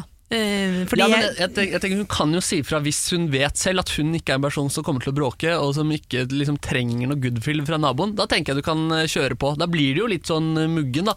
Og da neste gang du gjør noe som skal få klage, klage da får du passet ditt påskrevet, liksom. Men Ja. hvis, du, hvis du er villig til den, da tenker jeg bare kjør en direkte tone. Det blir litt meget fra øvre etasjen av og til, og særlig i tidsrommet 08 til 010, eller når det er. altså, da det ikke er konkret, jeg da. Du sier bare det, er, det blir litt mye. Eh, jo, men Kanskje si konkret når det er viktigst. da Eh, For Ja, men du skal ikke, si, du skal, du skal ikke adressere det du er ikke barna dine, det er deg. Ja, det er, det er fra dere, fra deres enhet, så Ja, kommer da er det jeg med. steg. Hvis du kan, Ja. hvis du kan på en måte si at det eh, Hvis det kan bli en lydklage. En Altså, jeg tenker at lydklage. eh, budskapet i den beskjeden blir lettere å svelge hvis man uh, formulerer seg veldig sånn uh, nøkternt. Altså, fra boenheten deres på antall fire er det de i øvre De over 1,60 cm som bråker mest. Ja, nei, men hvis man sier bare at det, det blir veldig mye Det er, eh, det er litt mye bråk. Ja. Og det er, det er hyggelig av og til, altså, men eksempel da jeg hørte deg rope fra full altså. så da, det var ikke det beste, liksom. Og den gang Kanskje noen Nei, små vil- konkrete. Vil du det? Hæ? Nei, Noen det konkrete? Hæ? Nå skal jeg bare eh, skal jeg invitere dere inn i en del av det å være mor. Ja, jeg gjør det. eh, som er en av de tingene Det er en jeg gave? en- ja, kan godt se på det. Det er i hvert fall noe av det som er vanskeligst med å være mor. Og en feil jeg tror veldig mange mødre gjør, inkludert meg selv. Det er at En del av den kjeftinga vi gjør på ungene våre, gjør vi egentlig ikke til ungene, men for at uh, publikum rundt, altså andre mennesker i nærheten, Skal si skal uh, få budskap om at jeg syns ikke det de driver med er greit. Altså. Jeg er ikke en sånn mor som syns det er greit at de bråker og, og dæljer hverandre og banner og Ja. holder på. Så jeg er sånn som sier fra om det. Ja. Det skal dere være klar Så noe av den kjeften er rett og slett et signal til naboene om at um, jeg syns ikke dette er greit. Så det kan nok hende at naboen din tenker at stakkars naboer som har de ungene som bråker så fælt i hagen, Da skal jeg skrike høyt. jo, men så sier han, da, da så blir man desperat, fordi man vil på en måte at ungene skal slutte, selvfølgelig, men man vil også at nabolaget skal vite at jeg skjønner at dette er plagsomt for dere, og jeg prøver faktisk å gjøre noe med det. Så jeg tror hvis den eneste hadde noen sagt til meg du må ø, endre måten å oppdra ungene dine på, så hadde jeg jo ø, altså, Fyrt på alle, fyrt på alle Så da, Ja, da man skal gjøre det, hva er er å si et eller annet som går på sånn Du, det, eh, det plager ikke oss at barna deres bråker så mye, sånn at jeg kan roe meg på sånn Å, det er ikke plagsomt at barna mine bråker. Okay. det, det, det, dette, dette, er, dette er løsningen. Eh, for da sier du at du har hørt at eh, det kjeftes, men du bare anerkjenner barna. Dette er jo genialt. Ja, for jeg tror en liten sånn det, er, å, Nei, det plager ikke oss at uh, Lotte og Lars drar hverandre i håret og sier øh, 'dra til helvete, din jævla drittunge'. Ja, men, Det plager ikke oss. men, men, men må- Så man skal ikke si noe om bråk i det hele tatt? Nei, jeg skal bare si at det, det bråket til ungene dine plager oss ikke. Ferdig. shit, ja. det, er, det er ikke litt passiv-aggressivt, da? At det liksom at det Nei. implisitt Nei, for da kan, man si eh, sånn, da, man kan, da kan man til og med si sånn Jeg hører at eh, eh, Jeg har forstått at du eh, tenker på at det er for mye bråk. Ja, det er veldig For- hyggelig. ikke? Det, det, si, det, det, dette er et barnevennlig borettslag. Liksom. Det er null stress, bare så du vet det. Så du behøver ikke å, å jo, men Da kan det jo bli full frislipp av det. At det blir enda mer bråk i etasjen. Jo, men da er naboen i, i sin fulle du- rett til å si til barnet sånn Nå er dere litt høylytte. Men det kan også si sånn Hvis jeg syns det blir for mye bråk fra ungene dine en dag, så jeg, jeg, jeg sier fra, jeg, altså. Det trenger ikke du å tenke på. Jeg har forstått at det stresser deg når barna dine bråker. eh, Men det vil si, det, det er ikke noe stress for oss, så det kan du bare roe ned på. Ja. Ja, ja, ja, okay. Da er du, det er jo ganske direkte, men på en hyggelig måte, da, og mye bedre enn det psykisk terror-lappen Ja. jeg foreslo. En psykisk terror man kunne gjort, hadde vært å dunke drithøy musikk idet dette foregikk. Så hadde du fått uh, glede i eget Ja, det- hjem, men også sagt ifra på en eh, passiv-aggressiv Eller altså en passiv, indirekte måte. da Satt på sånn 17. mai, sånn korpsmusikk hver gang. Korpsmusikk, ja. ja. sånn tydelig, deilig tegn. Ja, ja. Gammel jegermarsj hver gang. Oppdragende Trond-Viggo-låter fra 80-tallet. Med noe gode budskap. Vanskelig. Mm. Åh, nei, jeg tror du, eh, Emma skal være litt forsiktig med å si hvordan naboen skal oppdra barna sine, men å eh, roe og trygge henne på at det bråket til ungene ikke er så farlig, det tror jeg kan være en fin måte å snike det inn på, som gjør at naboen kanskje demper sitt volum, og gjør ikke det. Så da er vi over på eh, psykisk terror. Jeg, Korpsmusikk. jeg er inkompetent, jeg, ass. Nei, nei, nei. Nå, nå skal du få ny sjanse her. Her tror jeg du er god. Ja, Jeg, ja. det ble terapi. jeg gikk opp. Ja. Hei dere. Jeg kunne trenge litt, til- jeg trenger litt hjelp av dere. Min søster skal gifte seg første helgen i juni. Eller min søster og min svigerbror skal døpe barnet sitt, og i all hemmelighet skal de gifte seg uten at noen vet om det. Bortsett fra meg, da, som er forlover. Eh, altså tror alle at jeg er invitert til dåp, men så blir det bryllup i tillegg. Oi, oi. Utrolig snedig og gøy. Jeg tar det med. Jeg bare, å nei, da må jeg føde først. Okay. jeg Det jeg trenger hjelp til, er hvordan jeg kan lage et slags utdrikning- utdrikningslag for søsteren min. Det vil si, det blir jo bare hun og meg, da, siden ingen andre veit om dette. Hva kan man finne på? Jeg ønsker å gjøre noe hyggelig for henne, da hun er en av mine beste og nærmeste venner. Og det å gifte seg er noe som mest sannsynlig bare skjer én gang i livet. Håper dere kan hjelpe meg. Da dette er hemmelig, kan dere kalle meg Sonja. Sonja, Sonja, Sonja. Så Ja. hyggelig. Men eh, da skal ikke de andre involveres på utdrikningslaget? Nei, det er bare de to. Det er bare de to. Så dette er et av de hyggeligste problemene vi har fått, for her skal vi bare kose oss med eh, positive forslag. Ja, Deilig. Ikke noen konfrontasjoner her. Ingen ikke trenger å noe snakke sammen. psykisk terror. Nei. Men da kan man jo gjøre egentlig ganske mange av de tingene som er vanskelig på vanlig utdrikningslag. For da er det jo alltid et problem med hvor mye penger eh, skal det være, fordi alle kommer fra ulike sted. Ja. Det er veldig mange som ikke kjenner hverandre, det er ulik smak, bla, bla, bla, bla. Mm. Så her kan du jo velge akkurat det du helst vil. Så da er det sånne ting som vanligvis jeg er veldig negativ til. Hva da? Spa. Jo, men okay. er, er det åpent nå? Er det åpent? I Ja. disse, ja, det er Det jeg tror jeg faktisk. Ja. Ja, altså, jeg, tror det, jeg, tror det, jeg tror det at eh, Det ville jeg vært mer positiv til nå, siden det er sånn søstertid, liksom. Ja. Eh, Det er jo dørgende kjedelig, da. Tror du ikke det Jeg har jo faktisk problemer med det, for det å betale folk for å ta på deg, det blir ofte litt mørkt, føles jeg. Ja. er deilig, ass. Men, men jeg bare tenkte, da kan du gjøre litt sånn av, Var det ikke bra nok? Nei, nei jeg ser det. Jo, jo, eh, hvis de, men jeg tenker sånn, hvis de er sånn spa-jenter som bare, Jeg elsker at folk fipler med huden deres og la-la-la, går rundt med matchende badekåper og drikker eh, Aperol, Ja. så tenker jeg da hadde dere gjort det. Ja, det hadde da- de ikke trengt nei. å spørre om. Nei, Nei. Ikke sant? nei, de vil jo nei. gjøre noe som er litt sånn selge trusa si på Karl Johan, men det blir jo for dumt når man bare er to-aktig. Men fins det noe som er litt sånn crazy, men som man kan gjøre? Ja, ikke crazy, da, men det er deilig. Det er, det er muligheten, og den er i hvert fall åpen. eh, Det er en sånn badstue eh, på Sjuvolmen, eh, Ja. hvor det er lov til å være to personer. Eh, og Der kan du være tidlig eh, på morgenen, la oss si klokka åtte. da Begynne der, to timer der, bade, varme seg litt, drikke litt eh, sjampis. Eh, Begynn dagen der. Det er mitt, det er mitt tips, i hvert fall. Ja. Ja, eller så kan du da Du kan jo også Nei. Jeg skal komme med noe eh, som kanskje man, Som er litt ukonvensjonelt. Snikskryt. Ja. Eh, må man ha utdrikningslag før bryllupet? Eller kan man si at eh, eh, tre helger etter bryllupet, så skal du og alle venninnene er det gaven. Det er på en måte gaven. Jeg skal eh, rigge verdens beste utdrikningslag en helg i løpet av sommeren etter bryllupet. Ja, men da blir det ikke mannlig stripper. Fordi det skal man, liksom- nei, skal man ikke liksom bli ferdig med det frie, liksom? Altså en, en siste Det viser seg at folk har veldig delte, delte følelser rundt det Steep Games ville holdt meg unna. For jeg har Nei, men det må kjøpe, du hadde blitt skuffa om deg ikke fikk en brannmann inn i stua. Jeg, ja. Ja, men, jeg, men jeg har jo hadde arrangert det i fjor, og da eh, leide jeg inn en stripper med prolaps. Ja. Eh, så det, blir, det betyr bare at strippinga blir litt saktere, liksom. Oh, yeah. Og da var det Bura lo og koste seg, iallfall spilte de rollene godt. Andre klappa som en sel, deriblant meg. Andre syntes det var det vondeste jeg hadde opplevd Ja, men det, det mener jeg er vinn-vinn, for den skal være vondt for noen og gøy for andre. Ja, men det- Sånn er det jo med alt. Sånn er det med paintball òg, liksom. Jo, jo, jo. jo. Ja. Ja. Men ja, du får, ja, på for blåmerker, men her var det noen som fikk sår i sjelen, som tar lengre tid å hele. Altså. Ja.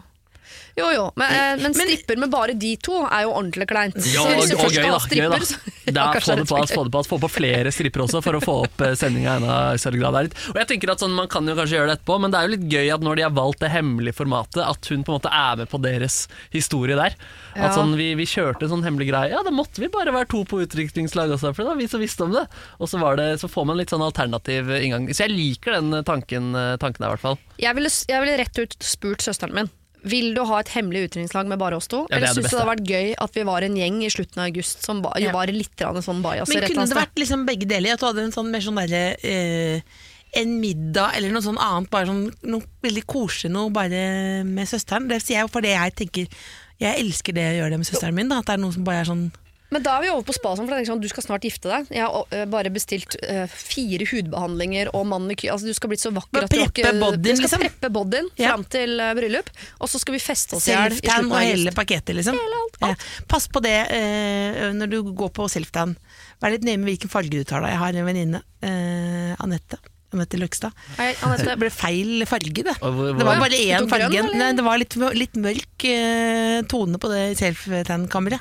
Ja. Hvor lenge sitter de? Det sitter lenge, altså. Gjør det? Eh, Hun ble jo indisk. Jeg tror de på en måte er litt skada, de som driver self-tan-studioene, av uh, at eh, hovedgruppen med besøkende er av typen som som ikke har problemer med å gønne litt på. Ja. Så Ja, kommer det litt mer sånn Nei, jeg driver ikke aktivt med eh, jo- selfies, så du kan godt kjøre normal stil på Ja, meg. og indisk eh, hudtone er helt nydelig, men, Ja. det hun, men eh, Anette det, hun er jo den blekeste menneske mennesket jeg har sett noensinne. Du blir blenda av hvor Jeg er indre er. finest med indisk hud, ikke så fint på skandinavierne. Ja, ja, og, da, og jeg bare nevner det fordi det, Hun sier ikke nevne meg, men jeg bare nevner fordi det var ydmykende for oss alle. Ja, Men, men har, er, går hun fortsatt med den uh, Det er flere år siden, nå, Det flere men, år det, siden, ja. men det sitter vel noen gjester i fortsatt. Er det ett år du skal på Er det én dag i året du skal på G-streng, så er det den dagen du skal ta self-tan. Pleier min far å si. Men, men, men, men det derre felles uh, utdrikningslaget, da. Kan Ja. man liksom jeg bare, eh, Kan eh, vi kvinner eh, stå samlet nå og gjøre, gjøre mer sånn eh, køddende ting på utdrikningslag? Ja. Som ikke er å preppe hud, men som er litt, litt mer Kompani Lauritzen. Litt mer kødd. Eh, i, sitte i en ribb. Altså Kjenne at du lever litt, får litt høy puls. Kjøre Kjør på, Farmen, liksom. Ja. Men da skal Ja, ja. vi menn få spa og full treatment. Ja, til det der, ja, ass. dere har fortjent det. Ja! Etter så mange år med metoo, dere må få slappe av litt. Yes, det blir digg. ass. Skal knas på. Ok, Mannlig spør, stripper også, brannmann. Ja. spør søsteren din hva hun vil. Hvis hun er komfortabel med at dere to bare skal ha litt sånn søstertid, så kjører vi klassisk eh, spa og de greiene der. Eh, men hvis hun egentlig har lyst på litt mer sånn i retning av stripper, og litt mer folk, så er det lov å ta utdrikningslaget etter bryllup, syns jeg. Ribb. Ribb. Vær forsiktig med korsryggen på ribb. Da ble jeg gammel. Da ble jeg gammel. Ja, ja, ja. Ok, kona har gitt opp. Oi, Ja, den er lei. Men jeg strekker meg litt. det er lov å reise seg. Jeg har vært sammen med en fantastisk dame i flere år nå. Vi er begge skilt på hver vår kant og har huset fullt av unger annenhver uke. Eller ingen, da. De ukene hvor vi ikke har barn her, har vi gjort maksimalt ut av når det kommer til kjæresterier. Vi er begge aktive og er glad i det gode liv, så mellom turer til fjells, til havs og på restaurant, så har jeg i forelskelsens rus ikke lagt merke til hvor ensom hun er. Det har vært nok med bare oss to. Men nå ser jeg det. Hun har aldri avtale med noen, selv om alle de jeg har tenkt at er hennes venner, bor i samme by som oss. Hun er stolt og sier at det ikke plager henne at de finner på ting sammen uten henne hele tiden. Jeg vet at de har kranglet, og at mange av dem føler seg lojale via sine partnere til hennes eksmann. Men på 17. mai så jeg det. Vi var alene ute og spiste da en stor gjeng av hennes venninner i anførselstegn, kom og satte seg på et bord lenger bort i lokalet. De hilste, men ingen kom bort. På kvelden bryter hun sammen. Hun sier hun savner vennene sine, men at det er hennes feil alt sammen. Hun har tatt avstand, ikke svart på invitasjoner, ikke invitert selv, latt være å hilse osv. Hun har rett og slett trukket seg helt unna etter skilsmissen, fordi hun regnet med at de ville velge han. Nå sier hun at det er for sent, og hun vil at vi skal flytte, slik at vi kan begynne på nytt. Men det vil jo ikke jeg. Jeg sier at vi må ordne opp her. Jeg har mine venner her, barna har sine. Det er bare hun som må svelge noen kameler. Men igjen, om hun ikke klarer det, så vil hun bare bli mer og mer ulykkelig. Så hva kan jeg gjøre? Dette var et skilt par. De er ikke sammen lenger, men de har fortsatt god tone. Nei, disse er sammen, men de, har vært, de er skilt fra hver sine, så de har dine og mine barn. Ja. I hennes tidligere skilsmisse så forsvant alle vennene i løpet. Ikke sant, ikke sant? De ble på mannesiden, trodde iallfall hun da. ja. Åh, er det lov for den nye partneren her, da, som vi vet, merker at dette kommer fra et godt sted, eh, og det er kanskje å hijacke det og, og, um, og ta kontakt med de vennene? At Altså, han hun gjør det for er- henne. Hun Ja. er veldig veldig lei seg, men er for stolt til å, å strekke Ja, ut en hånd. det er kanskje litt tidlig, da, men det, ofte kan bli gå ordentlig gærent. Det, ja, Ja, jeg er høres, det, usikker. ja det er det, Hvis du er stolt, så vil du ikke at mannen din skal fikse deg venner. Men, men det er, for den aller første jeg tenker, er jo litt sånn at det hun sier til han, det er det hun må si til de venninnene. Mhm. eh, og det er jo liksom det letteste. Bare si det, det er jo veldig vanskelig. Ja. Men altså at man eh, Begynn med en av de.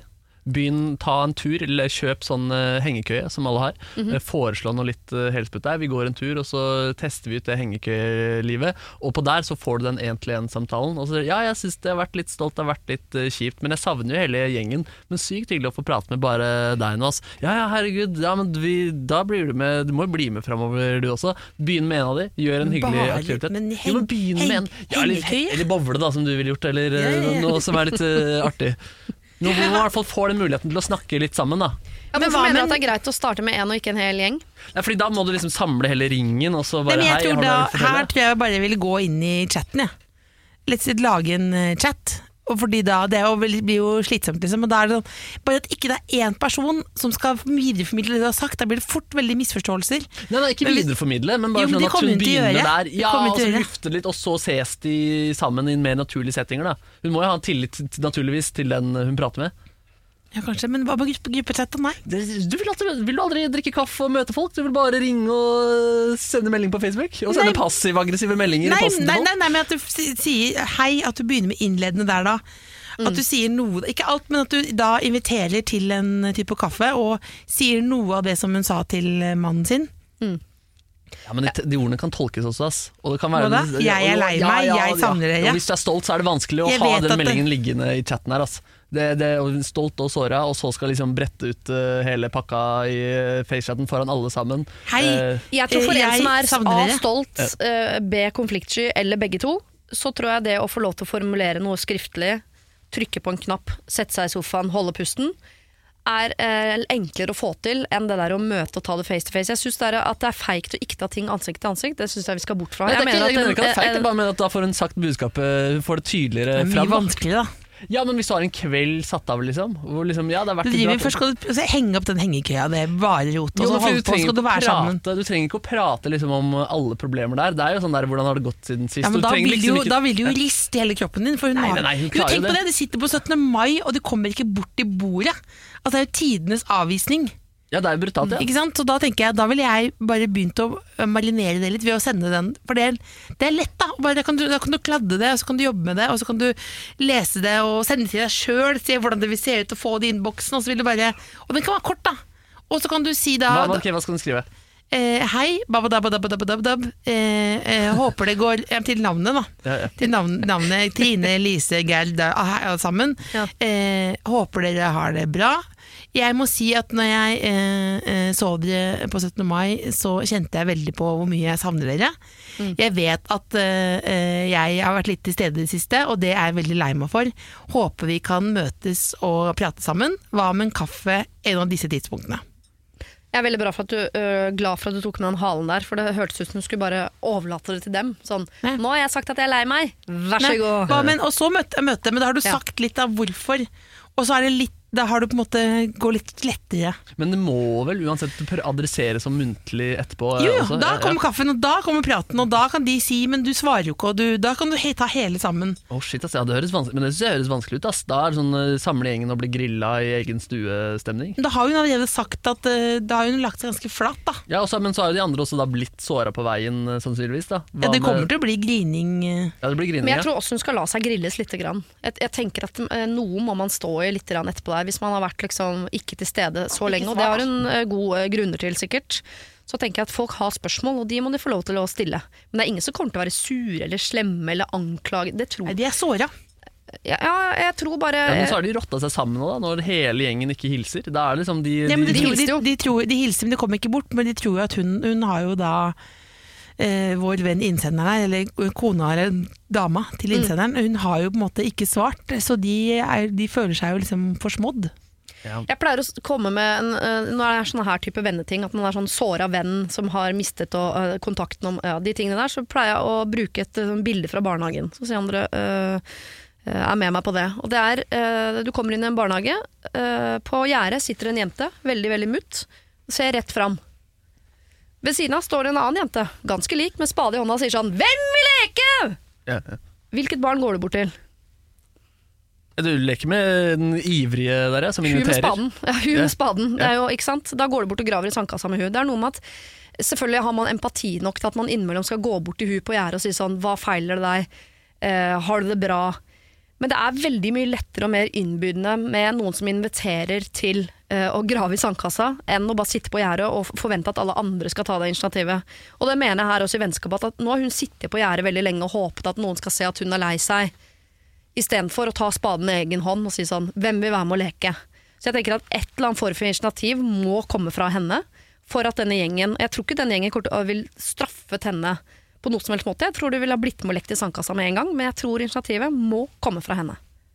Det, det føler jeg meg 100 Ja, det syns jeg også. Jeg bare, jeg, og jeg syns Else sin eh, med å Ja, du sende melding Jo, jeg, chatten er litt pass- du jeg chatten er litt passivt. Nei, jeg hadde bare likt å begynt, begynt med én, liksom. Og eh, da Ja. kan man liksom snakke dypere uten at det blir den hele Intervention-følelsen. Ja, intervention-følelsen. At man kan si 'jeg har følt det', 'ja, jeg har vært teit', 'jeg er dritmett', shit, ja, jeg skjønner det, og jeg tror folk kanskje har følt at du har vært litt uh, kjip også, men uh, det var hyggelig at vi bare, fikk da, prate. det, var vel bare en tanke om at du river av plasteret sånn eh, med en gang, og det, da Ja. jeg, tror det kan, ganske- jeg tror dette er fint. Men for river man av skårepass, så kan det bli arr også. Ja, det, Men så er det vanskeligere å- det er vanskeligere å trekke seg også hvis man har skrevet til en gruppe sånn Sorry at jeg har vært så fraværende, det har vært sånn og sånn og sånn, jeg er lei meg, eh, kan vi fikse det? Enn hvis man inviterer til kaffe, så kommer man til den kaffen, kan man fort vekk plutselig bare snakke om andre ting, fordi det er litt Jeg- deiligere. Ja. Jeg, jeg tror man skal ta og så bare heve en liten finger i, i været først og si adressere liksom For da når du har planta det der inni den chatten, så begynner de andre å ringe til hverandre og begynne å prate og sånn, så da, det blir en ganske sånn kjapp effekt. Og så tror jeg at det, jeg tror det går ganske fort til tilgivelse, da. Det tror jeg òg. Eh, hvis, man, hvis man klarer å legge seg litt sånn flat. Nå må jeg også si at jeg har jo, jeg har jo skrevet en bok blant annet med Siv Kristiansen, hvor vi driver med dette gruppechat-greiene her. Ja, ja, ja. Og da, det kommer ganske ofte overraskende på at andre er lei seg. Altså at du har liksom at alle, er, alle er jo litt oppi sin egen ræv, da. Så jeg tror hvis du liksom tør å si litt sånn Fader, jeg, jeg dreit meg ut, liksom. Mm. Og da er det veldig effektivt å bare Alle samtidig. Ja. Men kanskje jeg blir forvirra over den der eh, hele hengekøya-greien. Sånn. Ja, det, det var det dårligste du jeg hadde, så- sagt, jeg hadde fått med deg hvis jeg sa bowling hele tiden. Ja, ja, Nå bruker vi bilder Else kan forstå. Mm. Hold deg til bowling. Hold deg til bowling. Ja, for du må finne de trærne, det var riktig avstand nå. Der. Ikke sant. Og så har du glemt ett tau. og Ja, nei. Eh, jeg tror du skal oppfordre din, eh, din kone Ja, kone det er- til å eh, rekke ut en hånd, gjerne på en eller annen chat som går til alle. Og i etterkant av det så må hun være den som inviterer eh, til eh, lek, dans, bowling, den slags. Eh, og det, det må du oppfordre henne til. Det tenker jeg at det må nesten tvinge henne til. Du skal ikke flytte. Dette er et problem hun har, og det problemet tar hun med seg. Er du ikke enig? Ja, jeg beklager det bowling, at jeg er opphengt i bowling, men det er Ja, fordi når faren min møtte stemoren min, så sa han jeg kommer til å være mye borte fremover, for jeg har begynt å bowle. så det er et sånt bilde vi har, hvor jeg bare bowler. Og så plutselig bodde en dame hjemme hos oss. det strike. Så jeg har tenkt, sånn at bowling er liksom Livsfarlig. Ja, men det, bowling er liksom et synonym på liksom noe viktig. Men du er god til det, da. Du er dritgod til å boble. er. Den koblinga der tror jeg du er ganske alene om. Bare sånn, ikke, ikke bruk det som er sånn noe alle bare skjønner. Men nå skjønner jeg. Nå skjønner jeg. ja, ja. Siste problem her. Ja, eh, nå må Neby er få mer plass. Ja, dette er en klassiker. Forelsket i kollega. Åh, det, ble det ikke så mye plass til meg likevel. Jeg er en eh, jente skråstrek dame på 28 år som er singel. Har vært en stund, men det har ikke vært helt dødt, liksom. Jeg har vært på noen Tinder-dates og møtt noen andre gutter over en øl, men ikke noe som har gitt meg heller kjærligheten. Jeg syns tidvis det her med dating kan være vanskelig, ikke fordi jeg ikke tør å spørre gutter eh, ut, heller fordi jeg sjelden treffer folk, og syns ikke at Tinder-dating er så gøy. Til problemet. For øyeblikket er det en gutt, mann, på jobben som har fanget min interesse. Vi har ikke prata så mye sammen, men det lille vi har kommunisert, har vekket en interesse i meg. Som sagt så pleier jeg bare å gå rett på sak, jeg sender melding, skal vi ta en øl? Men denne gangen så er det jo en kollega, og jeg føler at det står litt mer på spill. Vi jobber ikke direkte sammen på prosjekter, men ettersom det er relativt liten arbeidsplass, ca. 60 ansatte, treffer jeg han potensielt daglig. Så skal jeg sende han en melding om at jeg gjerne vil treffes, risikere et nei, og da blir det pinlig å treffe han i all overskuelig fremtid? Eller skal jeg sitte stille i båten og vente til denne koronatiden forhåpentligvis trekker seg stille tilbake, og vi treffes på kontoret, jobbsammenkomster og jobbfester, og heller prøve å flørte litt der for å se om det er noe respons? Jeg har forståelse for at dette er et lite problem, samtidig som jeg er helt rådvill og tenker hva skal jeg gjøre? Hva er naturlig? Hjelp! Kall meg Kari. Kjør på. Få på den pilsen, send meldingen, eh, ta, den, ta den risken. Det er jo det når man prater om at det er spennende å være singel, så er det jo at eh, det kan gå begge veier. Du kan vinne, og du kan tape. Her kan du så absolutt vinne, og du kan så absolutt eh, tape. Eh, om du må se han på kontoret og være litt eh, flau, du kommer deg gjennom de greiene der. Få på den pilsen, gå all in, eh, få på et kyss. For den der all overskuelig fremtid, er den så lang som man skal Jeg skjønner at det er kleint, men ikke i all overskuelig fremtid. Hva, hva er det man redd for skal være kleint, da? At han ikke vil? Han sier nei, da. Det er jo litt flaut å se, og han kan eh, liksom eh, være litt sånn, smile litt sånn stolt uh, ned på henne, liksom. Men, men den, den, den, den klarer hun, da. Og det er bare livserfaring å være litt flau på Man jobben. takler, altså, i hvert fall når, det ikke- når man liksom ikke har, Hvis det bare er sånn 'skal vi det', og så blir det nei. Det er jo såpass liksom sånn eh, det har jo skjedd såpass lite at den avvisningen lever man ganske godt med. Det er lett å si, da, men, eh, men det gjør man. Ja, Så kan det jo gå lenger, da, og så blir det en avvisning etter to uker eh, etter man har holdt det Ja. gående. Da blir det jo flauere igjen. Jeg har aldri men- kommet så langt i prosessen, men det å sende den 'skal vi ta ned og få sånn Nei. Det har jeg gjort, og fått i jobbsammenheng. Og fått nei, eller ikke-svar. Ja. Eller nja, eller ny. Altså alle, de, alle ulike varianter Variantene, der. ja. Mm. Og det, har, det går ganske g greit, altså. Jeg synes folk skal bli mindre jeg, jeg, Igjen, lett å si, men jeg syns man skal bli mindre flau over å like folk som ikke liker en tilbake. Tenker, ok, Det er en eh, arbeidsplass med 60 ansatte. Sjansen for at 58 av de ikke har lyst til å bli kjæresten din, er ganske stor. Så at du plutselig får ett et av de bekrefta, er vel ikke så farlig. Det er 57 til som ville svart det samme. Ja, ja. Det er jo ikke sånn at Det er Jo, jo, men ditt bilde. Husk på det er veldig mange som ikke vil ha deg. Å, fy fader, Jo, men på I den dette måten, rommet her, Rebel, her er vi jo eh, fire uh, middels tiltrekkende mennesker, hvis vi skal være helt konkrete. Ingen av oss som har lyst til å, å Vi kunne sikkert tatt det, men ingen av oss som har lyst til å ligge sammen eller gifte seg. La Du oss har være sagt helt at ærlige hvis på det. du hadde vært keen på damer som hadde vært keen på meg Ja, Men det er jeg du ikke. Nei, Nei. Men hvis Nei. for noen år siden hadde du sagt sa Kunne du- ligge med deg, liksom. ja. Hva, hva, hva tenker du der? Mm, Hva sa du? Kunne, kunne du, du ligget med Siri Ja, Kristiansen? hvis, jeg jo, jeg så, bildet, jeg så bildet av henne utapå KK nå. Det var godt. Jeg vet ikke om det var fototopperne, men det var ganske boff. Der Ja, det er det flere enn meg som har jobba, for å si det mildt. Shit. Ok, Så- la det ligge. Med et sminketeam, så ja. Jo, men det er noe med at i Det er jo jeg, det er bare så mange som ikke vil bli kjæresten din, og det sier jo ikke noe om deg. Det er, bare, det er ikke så veldig mange mennesker som har lyst til å gå sammen to og to. Det er noen. Det er bare noen. Ja, ja, ja. Så derfor, jeg skjønner ikke hvorfor det er så flaut at uh, jeg liker Knut, Knut liker ikke meg. Nei Nei, vel. jeg, jeg skjønner at det er flaut, da. Uh, men Det er sånn, det er på en måte baksiden av Eller ikke medaljen, Fordi da har man jo vunnet allerede. Men det er uh, altså, Da taper du, liksom. Men du kan også vinne. Taper du, så, så har det en liten pris, men prisen er ikke så fryktelig dyr. Nei, det er det. Og da tenker jeg, eh, hvis han du ber på date burde være så stor oppi hodet sitt at han tenker sånn Oi, hun liker meg. Det var et kompliment. Hun er ikke min type. Og så går man videre. Ja, ja, og så kan det jo være at eh, hvis han får avvist henne, og hun er på jobb og er eh, sjarmerende, så vil han plutselig være gira på den ølen igjen. Fordi da vet han at eh, her har jeg en liten mulighet. Så du så, selv om du får et nei, så har du jo sådd et lite frø Ja. hos ham. Så du kan- du kan jo også se på det som en langsiktig investering. Og er det ikke flauere den der jobbfesten hvor du er sånn litt tipsy og prøver deg sånn hardt? Ja, ja, mye flauere. og han må avvise det ganske sånn, sånn flytte hånda di fra låret. Den er 100 flauere enn bare en altså. nei på SMS, liksom. Ja, ja. Og så er det vel litt sånn det som folk pleier å si til meg, i hvert fall, er at hvis du begynner å sende sånne ting, så blir du liksom litt vant til det. Ja. Så blir du litt immun, så du får opp en sånn der stamina. Det er det folk sier. ja, ja. Hvordan er stamina om dagen? Du skal ikke foreslå gruppechat her òg, at du sender ut en 'hvem vil ta en øl med meg' til alle 60 på kontoret? Er Nei, men jeg har noen venninner som har et sånn eh, caps med telefonnummeret sitt på. Ja. Sånn at, eh, ja, som, som, som funker det? det funker det. Det funker det. Nei, så jeg tror, men det at det ikke er så farlig Det, eneste, det som er ut, litt utfordrende, er at du må, du må møte han igjen i lunsjen og sånn. Ja. Men det er liksom Jeg har erfaring med at du kan spise lunsj ved pulten en periode, eh, så går det over. Jo, for hvor lenge er det kleint, da? Det er kleint de første fire-fem gangene man møtes. Også... Ja, da sender du melding hvor, Hvis han sier nei, sier du hvor, hvor lenge er det til vi kan kødde om det her? Ja. Og så blir de enige om det. Ja. Og så er, er frøet sådd, da. Så når du, selv om du har avvist deg, så vil han se på deg på en litt annen måte. Vet at du er gira. Kanskje øynene hans åpner for deg etter hvert, selv om han sier nei i første omgang. ja, for da har du åpnet opp øynene hans på at her er det mulig å utnytte situasjonen. Ja, eller kanskje hun ikke er så ille likevel, liksom.